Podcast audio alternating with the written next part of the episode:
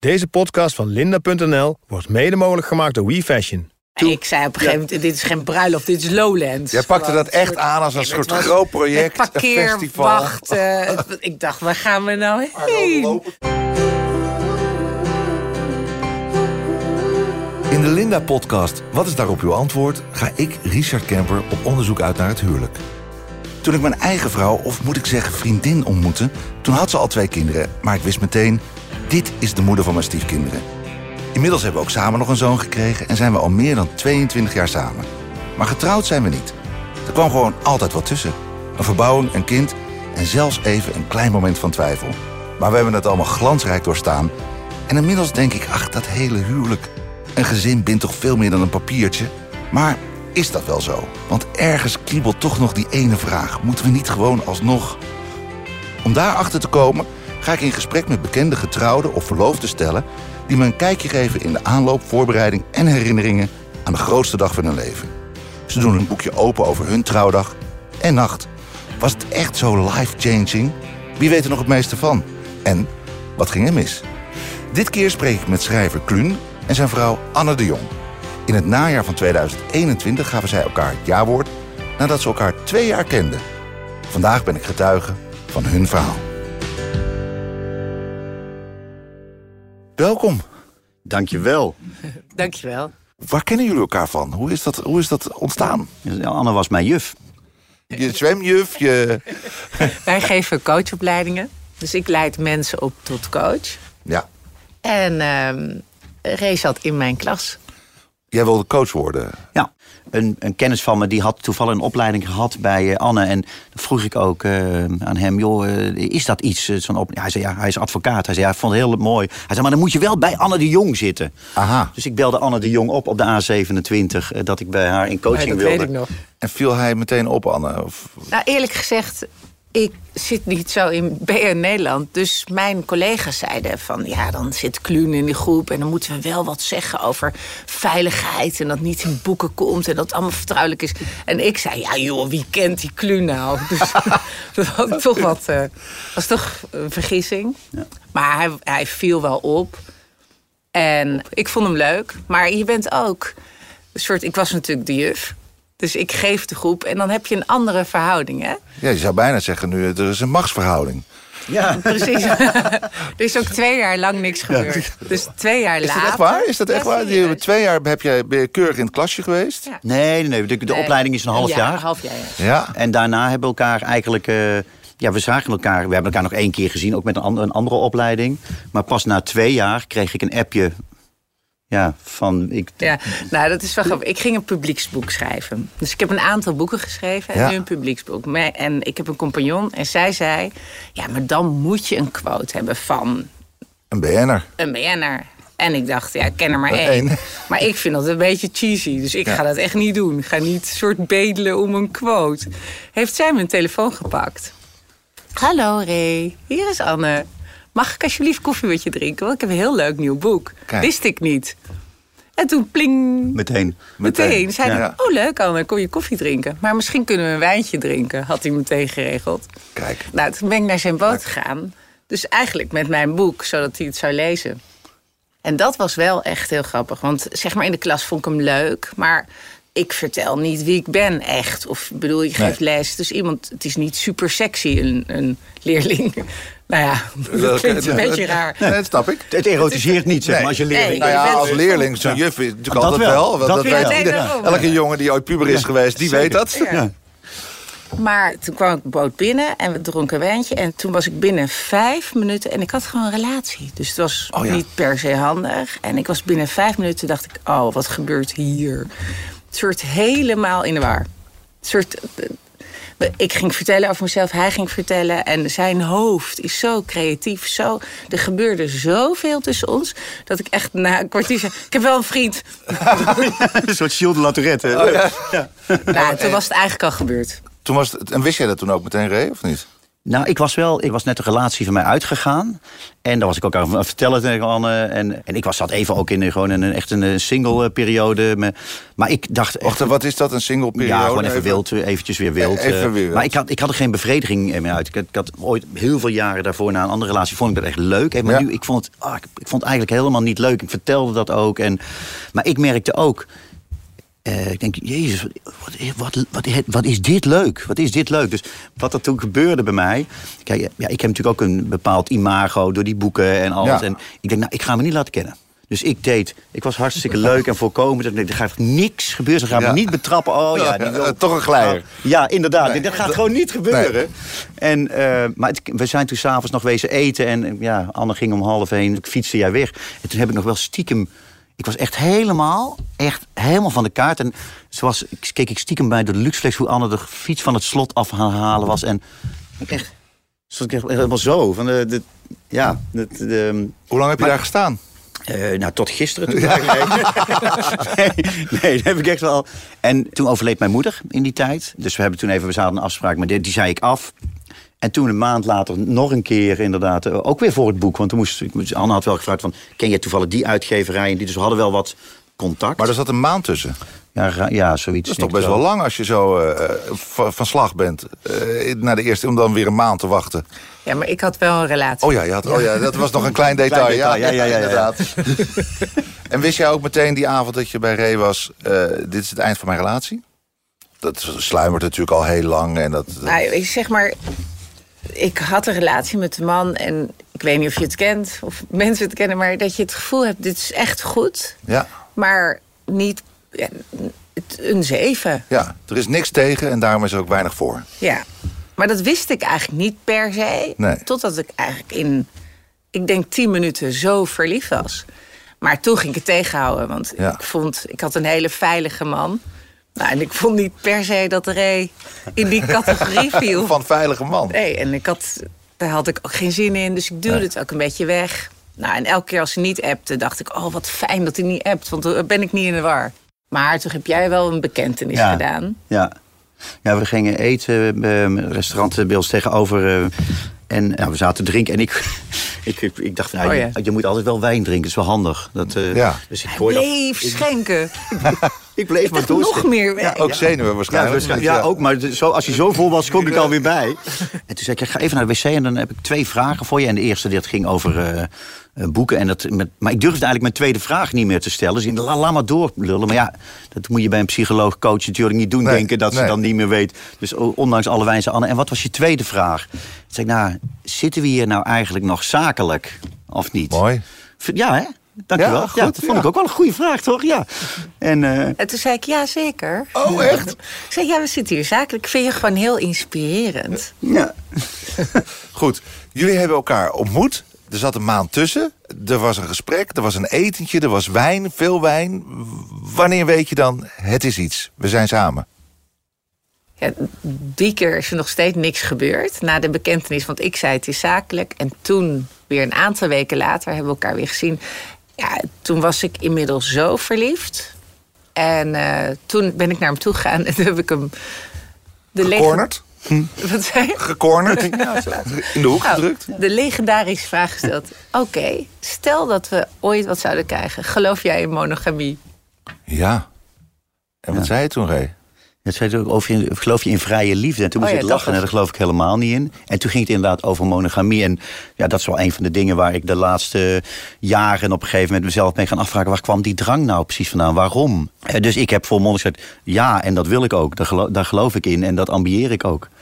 En kom voor, ik zag op een gegeven moment een, een interview van mezelf terug... waarbij een krant had gekopt... ik ben de meest, nu de meest monogame man van Nederland. Ik kan me voorstellen dat, dat je dan de lachers wel op je hand krijgt... als je met de vrouw bij de dokter geschreven hebt. Ja. Ja. Ik heb ooit was iemand horen zeggen... trouw en rouw verschilt maar één letter. Namelijk de T van tering. Wat is dat moeilijk. dus, eh, maar dat, dat heb je dus achter je gelaten eigenlijk. Ja, Je hebt echt een soort knop omgezet van ik ga... En kost het je moeite eigenlijk? Nee, totaal niet. Nee, echt totaal Want niet. zoiets kan wel in je systeem gaan zitten op een gegeven moment. Ja, het wordt maar een dat- soort tweede natuur. Ja, dat, nou, dat klopt. Maar dat is ook wel iets, denk ik. eh, kijk, er zijn een aantal dingen aan jezelf. Die, die wil je misschien niet veranderen. Ik ben iemand die heel slecht tegen kan als iets moet of als iets niet mag. Nou, dat, en ik denk van, nou, kan ik best mee leven. Daarom ben ik ook schrijver en het is niemand mijn baas en zo. Maar er zijn ook een aantal dingen aan jezelf. Denk je, ja, vind het gewoon niet cool. Ja. Ik vind het wel prettig als je in de spiegel kunt kijken en zien van, ik ben trots op die man die ik zie. ja. En dan was het tijd dat ik denk, ja, ik, ik, ik durf mezelf niet helemaal in de ogen te krijgen. Dus daar heb ik eh, aan gewerkt. En daar, ja, ik denk dat ik heb een tattoo op mijn arm laten zitten toen ik 50 was, Stay Hungry. En dat is niet alleen creatief, maar ook. Ik dacht, ik wil, als ik straks 75 ben, wil ik eh, mezelf een beter mens vinden. Wil ik niet creatief zijn uitgedreven of zo. Maar ik wil ook aan mezelf hebben gewerkt. Dus dat was een van de dingen die ik graag wilde. En eh, ja, niet dat ik verlicht ben of zo, dat niet. Maar ik ben wel tevredener met mezelf dan dat ik was. Dus is dat ook ja, waar ik trots op ben. Mooi. En eer in schep. Maar goed, toen hij ja zei, of nee, Ja. of wat was het? eh, Ja, toen, ja. eh, toen, ja, was ik zo verliefd. En was de toen beer los. zei hij, ja, toen zei hij, denk nog maar eens na. En toen heb ik de volgende dag geappt, met smoor verliefd. Ik heb het uitgemaakt. En ik dacht gewoon, ik wil het gewoon clean. Dat is eigenlijk gebeurd. En vanaf dat moment eh, zijn we bij elkaar. Ja. Hoe, hoe, hoe dachten jullie over het huwelijk voordat jullie gingen trouwen? Voordat er überhaupt sprake was van een aanzoek? Want Ray, jij bent eh, hiervoor twee keer getrouwd eh, geweest, één keer gescheiden. Ehm, je zou kunnen zeggen, ja, een ezel stoot zich niet. Twee. Ja, nou, maar meteen zeg ik er dan bij de. Mijn eerste vrouw is overleden aan kanker, dus Ja. het is best schuldloos, denk ik. Dat is, Dus daarom, ik had ik het Ja, over ja, ja, één zeker. scheiding. Ik had het over scheiding. klopt. Het is dus, eh, dus ik denk dat ik op het Nederlands gemiddelde wat dat betreft zit. Ja, ik, ik ben wel een. eh, ja, ik heb me als een beetje een soort romantisch realist. Ehm, eh, maar ik, ik weet de belofte op deze leeftijd die ik als deze man van eh, zoals ik nu ben durf te doen, die is ook heel, het is heel romantisch, maar ook heel bewust. En eh, ik snap best dat mensen, als je, als je cynisch bent, kun je zeggen: ja, trouwen doe je maar eens in je leven. Of eh, waarom zou je trouwen? Dat kun je ook zeggen. Maar ik geloof echt in dat ja, het ja-woord geven en ja, zoals ook het, het op mijn knieën gaan, waar al onze kinderen bij zijn. Komen we zo op? Ja, wil, Ja. Ik, graag, wil ik graag horen. Ja, dat, eh, de- de- dus ja, ik geloof daar heel erg in. En jij had ook wel een visie op het huwelijk. Hè, van, eh, Ja, Anne, want jij was niet getrouwd hiervoor geweest. Wel relaties Nee. gehad. Ja, en ik heb wel een keer ja gezegd, maar toen dacht ik, oh, ik wil eigenlijk nee. Dus het is een soort, dat wilde ik eigenlijk niet, maar vond ik zo lullig om te zeggen. Maar dat terzijde. Maar toen is het toch niet doorgegaan. Nee, want dat heb ik soort tegengehouden. Maar dat even terzijde. Ehm, ik kom niet uit een milieu waar trouwen heel hip is. Maar ik had altijd als klein kind al een soort romantisch beeld. Ik wil ooit eens trouwen. Maar ik wil alleen maar trouwen als ik denk, ik blijf bij iemand. En dat had ik nog nooit gehad hiervoor. En, dat Pas was, bij Ray heb ik gehad, ik blijf bij deze man. en heel snel volgde er een aanzoek. Ja, Of althans, voor, voor Ja. mensen die, zoals ik, daar, eh, daar langer over doen dan dat de paus ooit een vriendinnetje zal krijgen. Eh, binnen twee jaar zijn jullie getrouwd?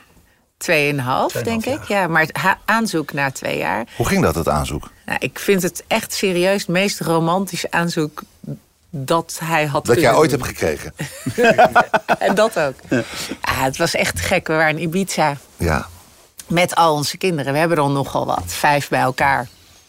En we zaten... Hij wilde per se naar een bepaald terras.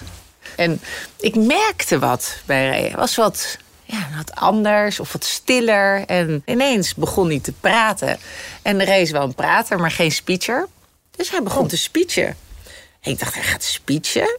Zij ging echt zo van, ja, kinderen, zonder ons waren jullie hier niet. Dacht ik, wat, wat is dit voor een raar verhaal?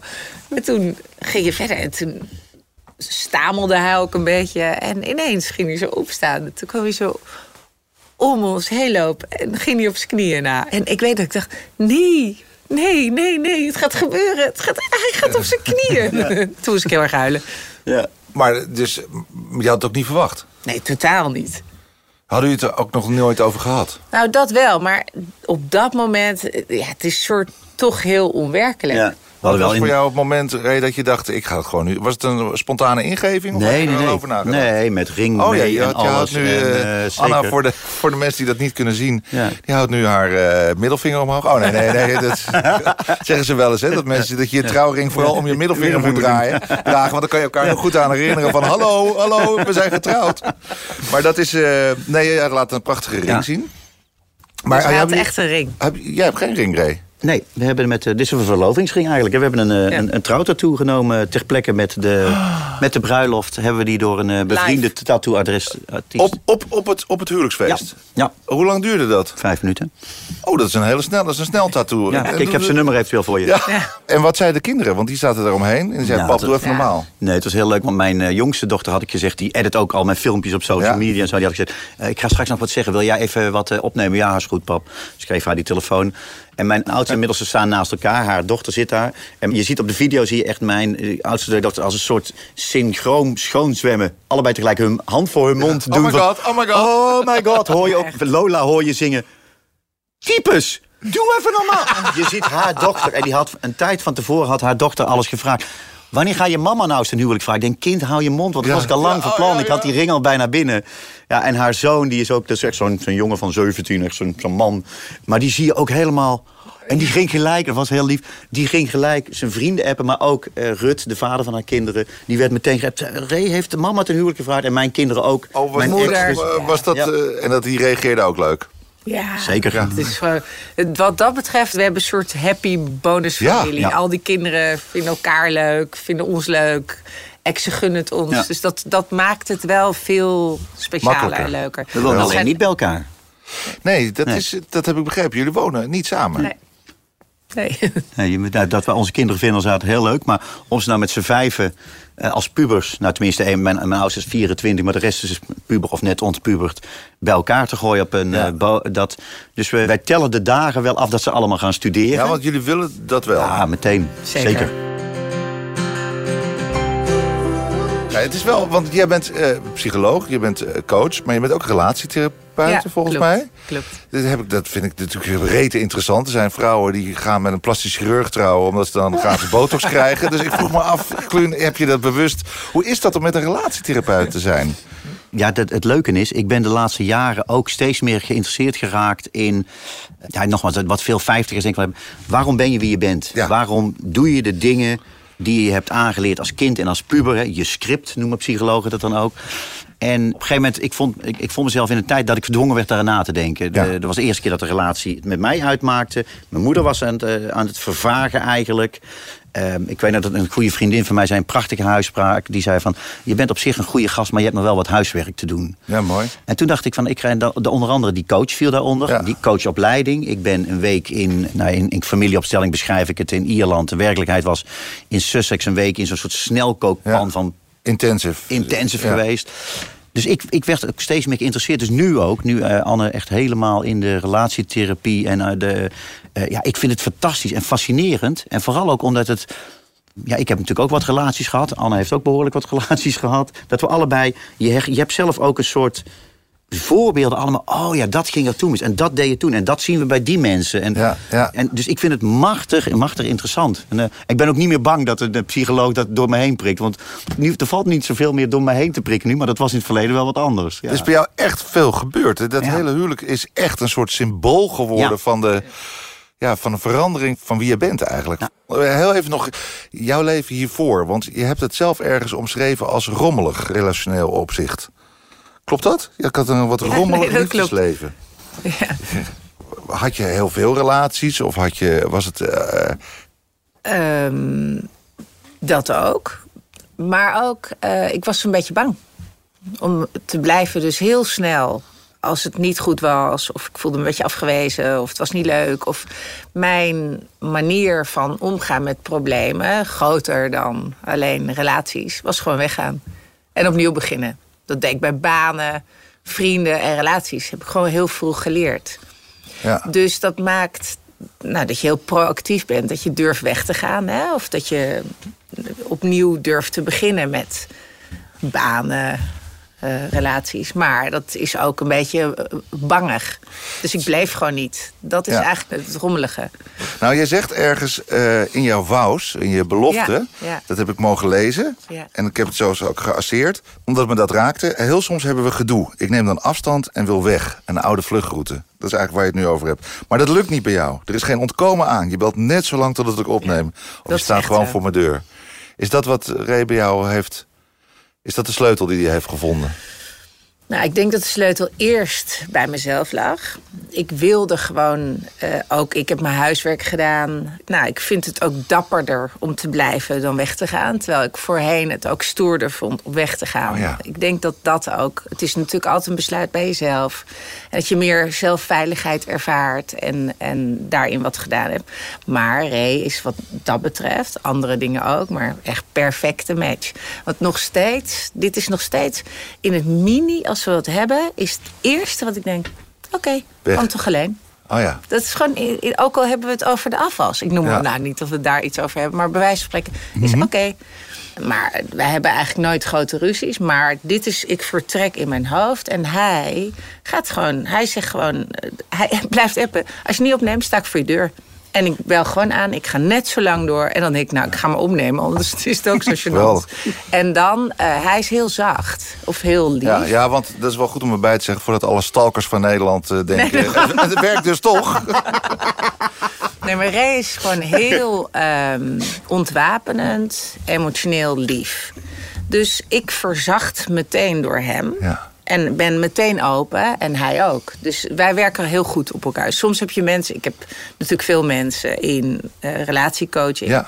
Die bijvoorbeeld allebei hetzelfde doen, zoals ik. Die zich allebei omdraaien. Ja. En dan jarenlang omgedraaid leven. Je hebt mensen die elkaar wapenen... of eh, er is Precies. handig En wij hebben bij toevallig die, een handige combi. Nou, toevallig. eh, Ja. jullie zijn getrouwd inmiddels daarom. Dus de bruiloft. Staat u een beetje op één lijn? Ja, ik ben wel eerlijk gezegd, ik, maar ik heb podiumdrang. Dat heb ik dus van mijn vader, Prins Janus de eerste. Ja. Wie kent hem niet in Tilburg? Maar ik hou wel van ook ja, de, de cosmetiek en de grootsheid en zo.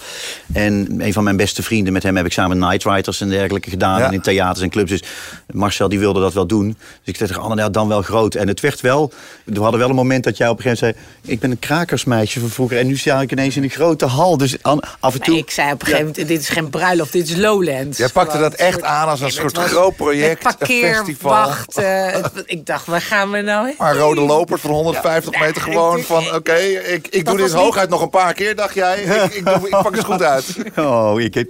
Nee, maar dus wij zeiden... Toen zei ik wel op een gegeven moment van, eh, Anne, vertrouw me. En toen hebben we wel ook afgesproken, we hebben een en-of rekening hadden we. En toen zei ik van, nou weet je, laat mij het... En zei Anne van, ik wil even niks weten. Dus ik zei, nou laat mij het gewoon regelen met Mars. En ik hou hem ook wel, de dingen die je echt niet wilt of echt heel graag wilt... zeg ik wel tegen, tegen Marcel, dit gaan we niet doen of dit gaan we wel Ja. doen. Ja, En, want eh, dat was wel, ik, in het begin, dat was, dat was wel een beetje van hoe gaan we dit nou doen als we niet per se in dit, weet je, dat ik ietsje kleiner had verwacht. Maar ik trouw natuurlijk ook met iemand die ietsje groter denkt. Dus, maar wat ik dus heel mooi vind achteraf, is dat het, het is inderdaad een hele grote bruiloft geworden. Ja. Maar het kleine intieme, wat ik belangrijk vond, zat er overal in. Dus het voelt ook helemaal als mijn bruiloft, omdat het heel klein ook was. En oh, dat moment, dat moeilijke moment dat jullie er even niet meer uit... of dat niet meer uitkwamen, dat je zei van... wacht even, nou krijgt het groteske vormen. eh, Dit wordt een soort Noord-Koreaanse parade. Dit gaat me boven mijn pet. Toen heb je Ray apart genomen. Hoe hebben jullie dat toen opgelost? Hoe heb je aan de bel Ik weet dat we in het park liepen. Nou, wat, eigenlijk wel hoe we dat vaker doen. Als we iets hebben. In dit geval gingen we door het park. Toen zei ik, nou, ik, ik weet nu niet meer wat er gebeurt. Het wordt soort overgenomen Ja. door een soort... Nou, toen de parkeerwachten, dat stond symbool voor... Ja. waar gaan we heen? Nou, en eigenlijk vertelde ik wat er gebeurde en hij ook. En dan kijken we waar zit de overeenkomst. Nou, en dit was de oplossing. En daar kan ik me dan... Nou, dat is dan ook helemaal goed. Ze diepen het uit totdat het goed is. Wat en goed. ook hierin. Was er een dresscode eigenlijk? Heb je daar rekening mee gehouden met de jurk? Of, of jij met je pak? Zeker. Nou, dat was zeker een dresscode. Ja. De, de mannen allemaal in zwart, dus ik was in het wit. En de vrouwen allemaal in eh, een felle, eff- effe kleur. En daarom was Anne dan ook in het wit. Dus, eh, Ah, mooi. En dat was de dresscode. Mannen Ja. in het zwart, Ja. men in Vrouwen black. collard. ja. Ah, ah, wat en een dat was, geweldige... het zag er mooi Ja. Nou, ik vond deze dresscode. Ik dacht eerst, ik vind het niet zo leuk dat je mensen dwingt om iets te kopen per se. Dus ik vond dat. Maar echt, het zag er niet normaal te gek mooi uit. Dus ik zou altijd, als je een tip voor een huwelijk, Ja. zou ik altijd doen een dresscode. Want het ziet er zo te gek uit. En het is ook leuk.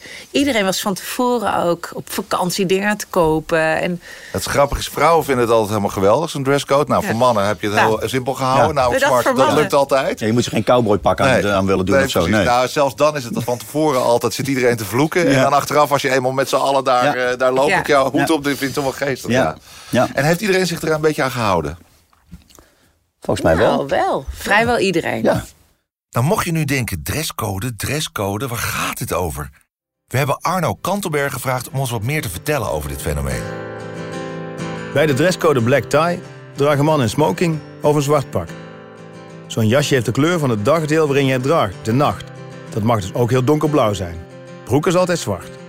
Black tie staat voor bowtie, ofwel vlinderdas. Het is iets anders dan een stropdas. Vrouwen worden overigens bij de dresscode black tie geadviseerd om in een lange jurk of een zeer nette cocktailjurk te verschijnen. Zo, weer iets geleerd. Dan kun je nu dus naar We Fashion. Zij hebben voor elke dresscode en gelegenheid de juiste outfit.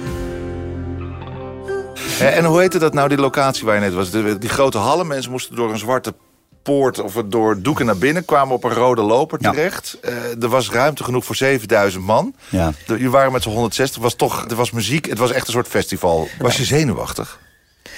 Nou, ik was wel... Maar we hadden zo'n lieve dag. We zijn om 's ochtends negen uur op de boot. Ray was er gewoon bij. Alle kinderen werden daar gemake-upt. Ik werd gemake-upt. Het was gewoon een hele leuke dag met alle kinderen ook. Die kregen allemaal krullen in hun haar. En eigenlijk was ik niet meer zenuwachtig. Ik had gewoon heel veel zin. En het meest lol hebben Ray en ik nog gehad... toen iedereen over die lopers Ja, liep. ik. Wij keken van boven naar Geweldig, beneden. ja. En we hadden samen gewoon een flesje champagne op onze gimpies. Stonden we daar te kijken. En toen uiteindelijk het begon, had ik alleen maar zin. Want die wous, eh, waarom zeggen we dat in het gelofte? Hoe zeg je dat Ja, in het Nederlands gelofte. eigenlijk? Geloftes, die heb ik eh, mogen lezen. Mag ik het voorlezen? Zeker. Want het is uit jouw, eh, Ja. uit jouw eh, vouw. Ik zou altijd verliefd op je zijn geworden. Maar gelukkig ben ik je pas tegengekomen op een moment dat ik mezelf in de spiegel durfde te kijken. Schitterend. Dankjewel. Ja, Vind ik ook. vind ik dat. Dus dat is het gevoel ook. Ja. Ja. Ja. Bij een, een tip. Trouw niet voor je 50 bent eigenlijk. Nou ja, ja dat, dat, ik weet niet of dat die tip wil geven. Maar wat ik wel weet, als ik foto's van Anne zie als eh, student of als scholier, weet ik zeker, dan zou ik verliefd op zijn geworden op dat meisje. Maar eh, wij zeggen ook wel, ja, stel dat we samen kinderen hadden gekregen en zo. Misschien waren we dan toch nog niet aan elkaar. Waren, waren er wel dingen misgegaan die bij zoveel mensen misgaan. Dat weet je niet. Dat weet je niet. Maar ik ben heel blij dat we elkaar nu zijn tegengekomen. En ja, dus het liefdesleven houdt bepaald niet op boven de vijftig. Nou, dat. Nee. Eh, wat was nou echt een bijzonder moment van de dag wat je herinnert? Eh, Is er dat in alle sprookjes en films wordt natuurlijk altijd wel een hele scène gemaakt van het weggeven? Zeker. Was dat bij jullie dan ook zo? Zeker, ja, en heel bijzonder en heel bewust. Wij hebben ons eh, door onze kinderen eh, laten weggeven.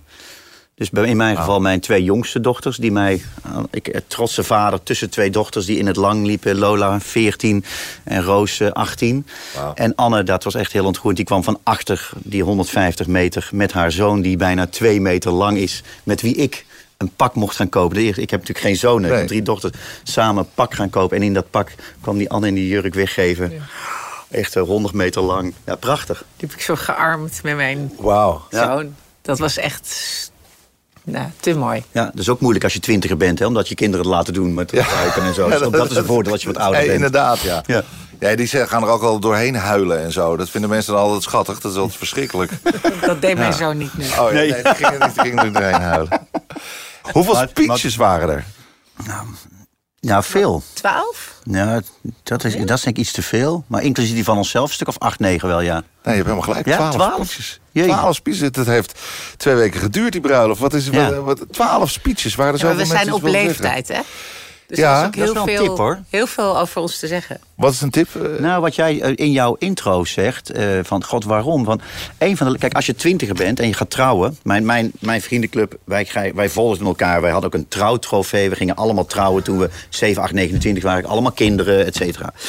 Er zijn inderdaad niet zo heel veel mensen die gaan trouwen als, eh, zoals ik, 57, Anne, eh, 50. Die, zo, die, die leeftijd hebben. Maar mensen kennen je heel lang. Mijn vriendenclub ken ik uit de jaren tachtig. Anne, bijna alle vrienden uit haar studietijd. Die kennen ons door en door en Ja, door en ja. door. Dus normaal gesproken dan krijg je toespraken van mensen die je vijf of tien jaar kennen. Onze vrienden kennen ons 30 of soms 40 jaar. En dus wij hoorden verhalen over onszelf... die je anders alleen maar hoort als je net dood bent. En dan Ja. hoor je het meestal niet. Tenminste, denk ik niet. Dus het mooie wat je hoort met je begrafenis... hoorden wij nu over elkaar. Dus het was ook niet alleen met heel veel eh, liefde... maar ook met enorm veel spot. En we werden ook soms finaal uitgelachen door al- om onze kleine gewoonte. Maar dat kan ik echt iedereen wel aanraden. Maar dat is dus een, een reden om te gaan trouwen. Dus alle speeches die je bang bent te missen op je begrafenis... die krijg je op je huwelijk. Ja. En dat is eigenlijk een goede reden Ja, en over de getrouwde Oké. niets dan goeds. Dus, Ja, inderdaad. Ja. dat is niet waar. Nee, nee. Dat was niet waar. Eh, nou, nee, maar wat ik even een van de, eh, de allermooiste speeches was van een van Anne's beste vriendinnen. Die op een gegeven moment een soort de tien regels van Anne. En die kloppen zo precies. En elke keer daar, dan moet ik zo om lachen. Ik zei tegen Mieke van ja, het klopte zo wat jij. Wat grappig, een soort gebruiksaanwijzing. Gebruiksaanwijzing. Ze heeft een gebruiksaanwijzing. Oh, wat Ja, goed zeg. ja, Ah, dat echt heel erg Oh, die ga ik onthouden. Ja. Nou, en zij ging namelijk, wat leuk was, iedereen heeft natuurlijk gedacht: Anne, wat doe je met, met, Ja. met Kluun? Mijn vader dacht: Nou, wat maak je me nou? Mijn moeder dacht: Met die gast. En ik werd soort gewaarschuwd. Van, ga je nou überhaupt een relatie hebben met Kluun? Ga je trouwen met Kluun? En deze speech was het dat jij Ja. gewaarschuwd werd. Ja, Oh ja, dat het andersom was. Ja. Van, eh, nou, draai het ja, om. ja. Ja. En hoe lang was de rode loper? Want die was er. ja, nou, ja, ja, vast eh, 100 meter of zo wel, denk ik. 150 meter Ja. ik begrepen. 150 Iedereen meter. moest Ja. over een 150 meter. Ja.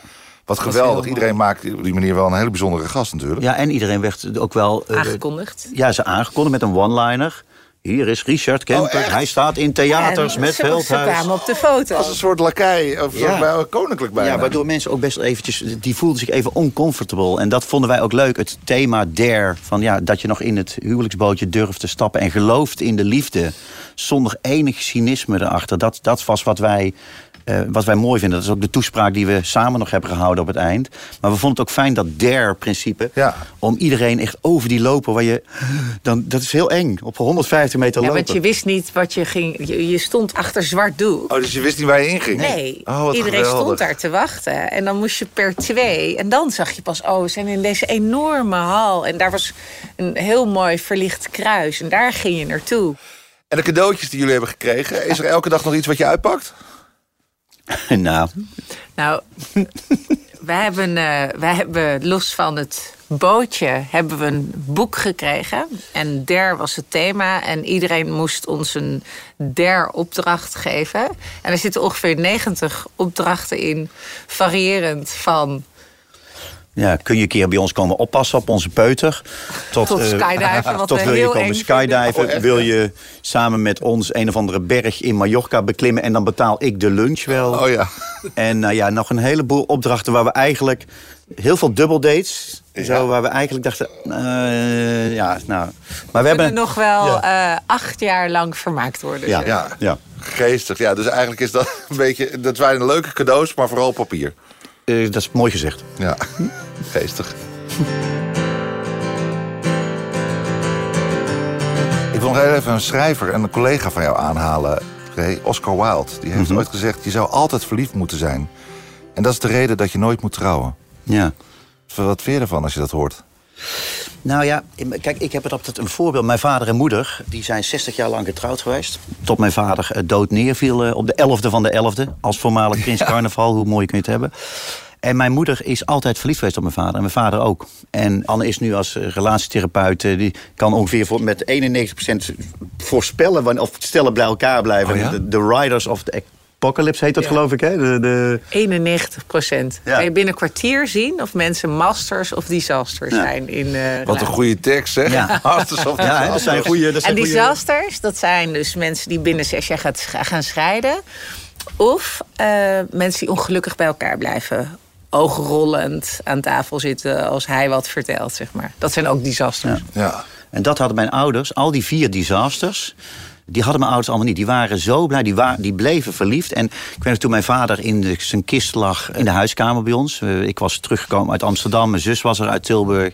En toen stond mijn moeder, die stond te kijken naar hem. En mijn zus en ik stonden zo met de armen. Stond zo naar mijn vader te kijken. Ach, menneke toch, zei ze. En toen zei ze, en we hebben het vanochtend in bed nog samen gedaan.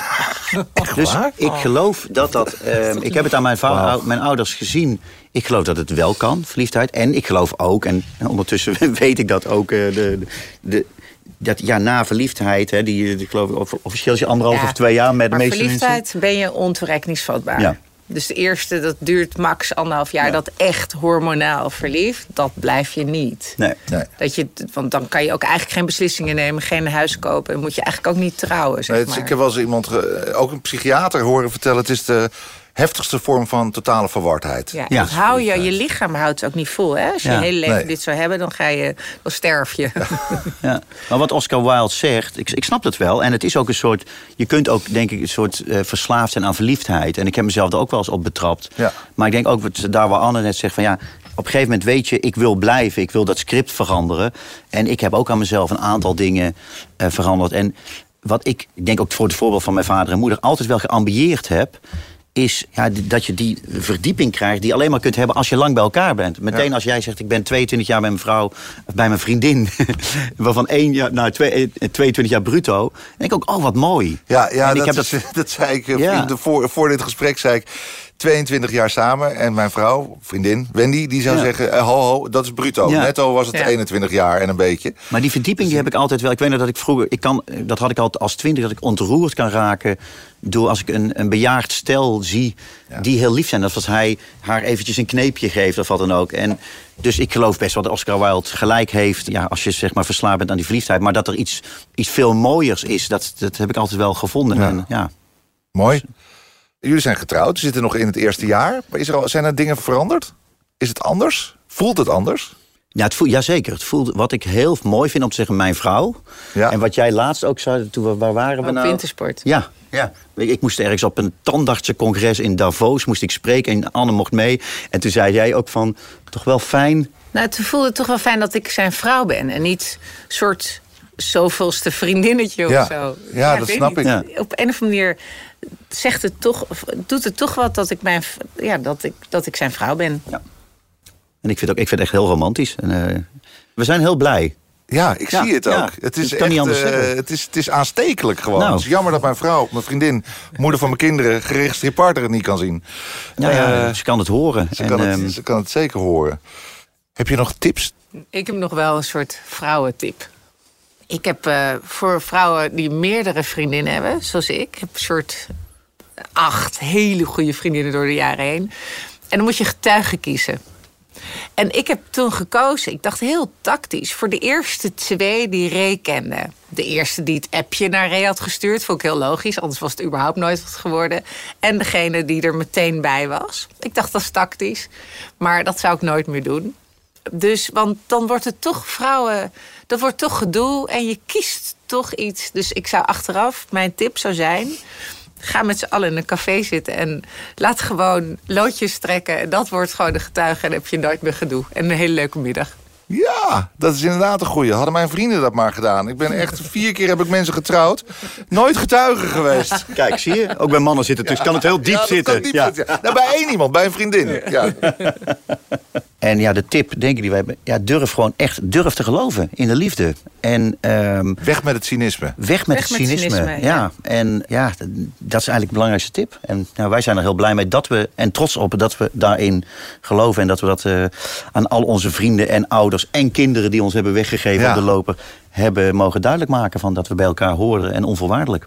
En ik denk ook aan heel veel mensen die dit gesprek hebben gehoord. Want het is echt aanstekelijk. Als je hierna niet wilt trouwen, dan, eh, Dan houdt het Nou, dan, heb, je, Richard. dan heb je geen bloed. Nou. Geen hart, wou ik zeggen. Dank jullie wel voor jullie openhartigheid. Dank Graag je. gedaan. Graag gedaan.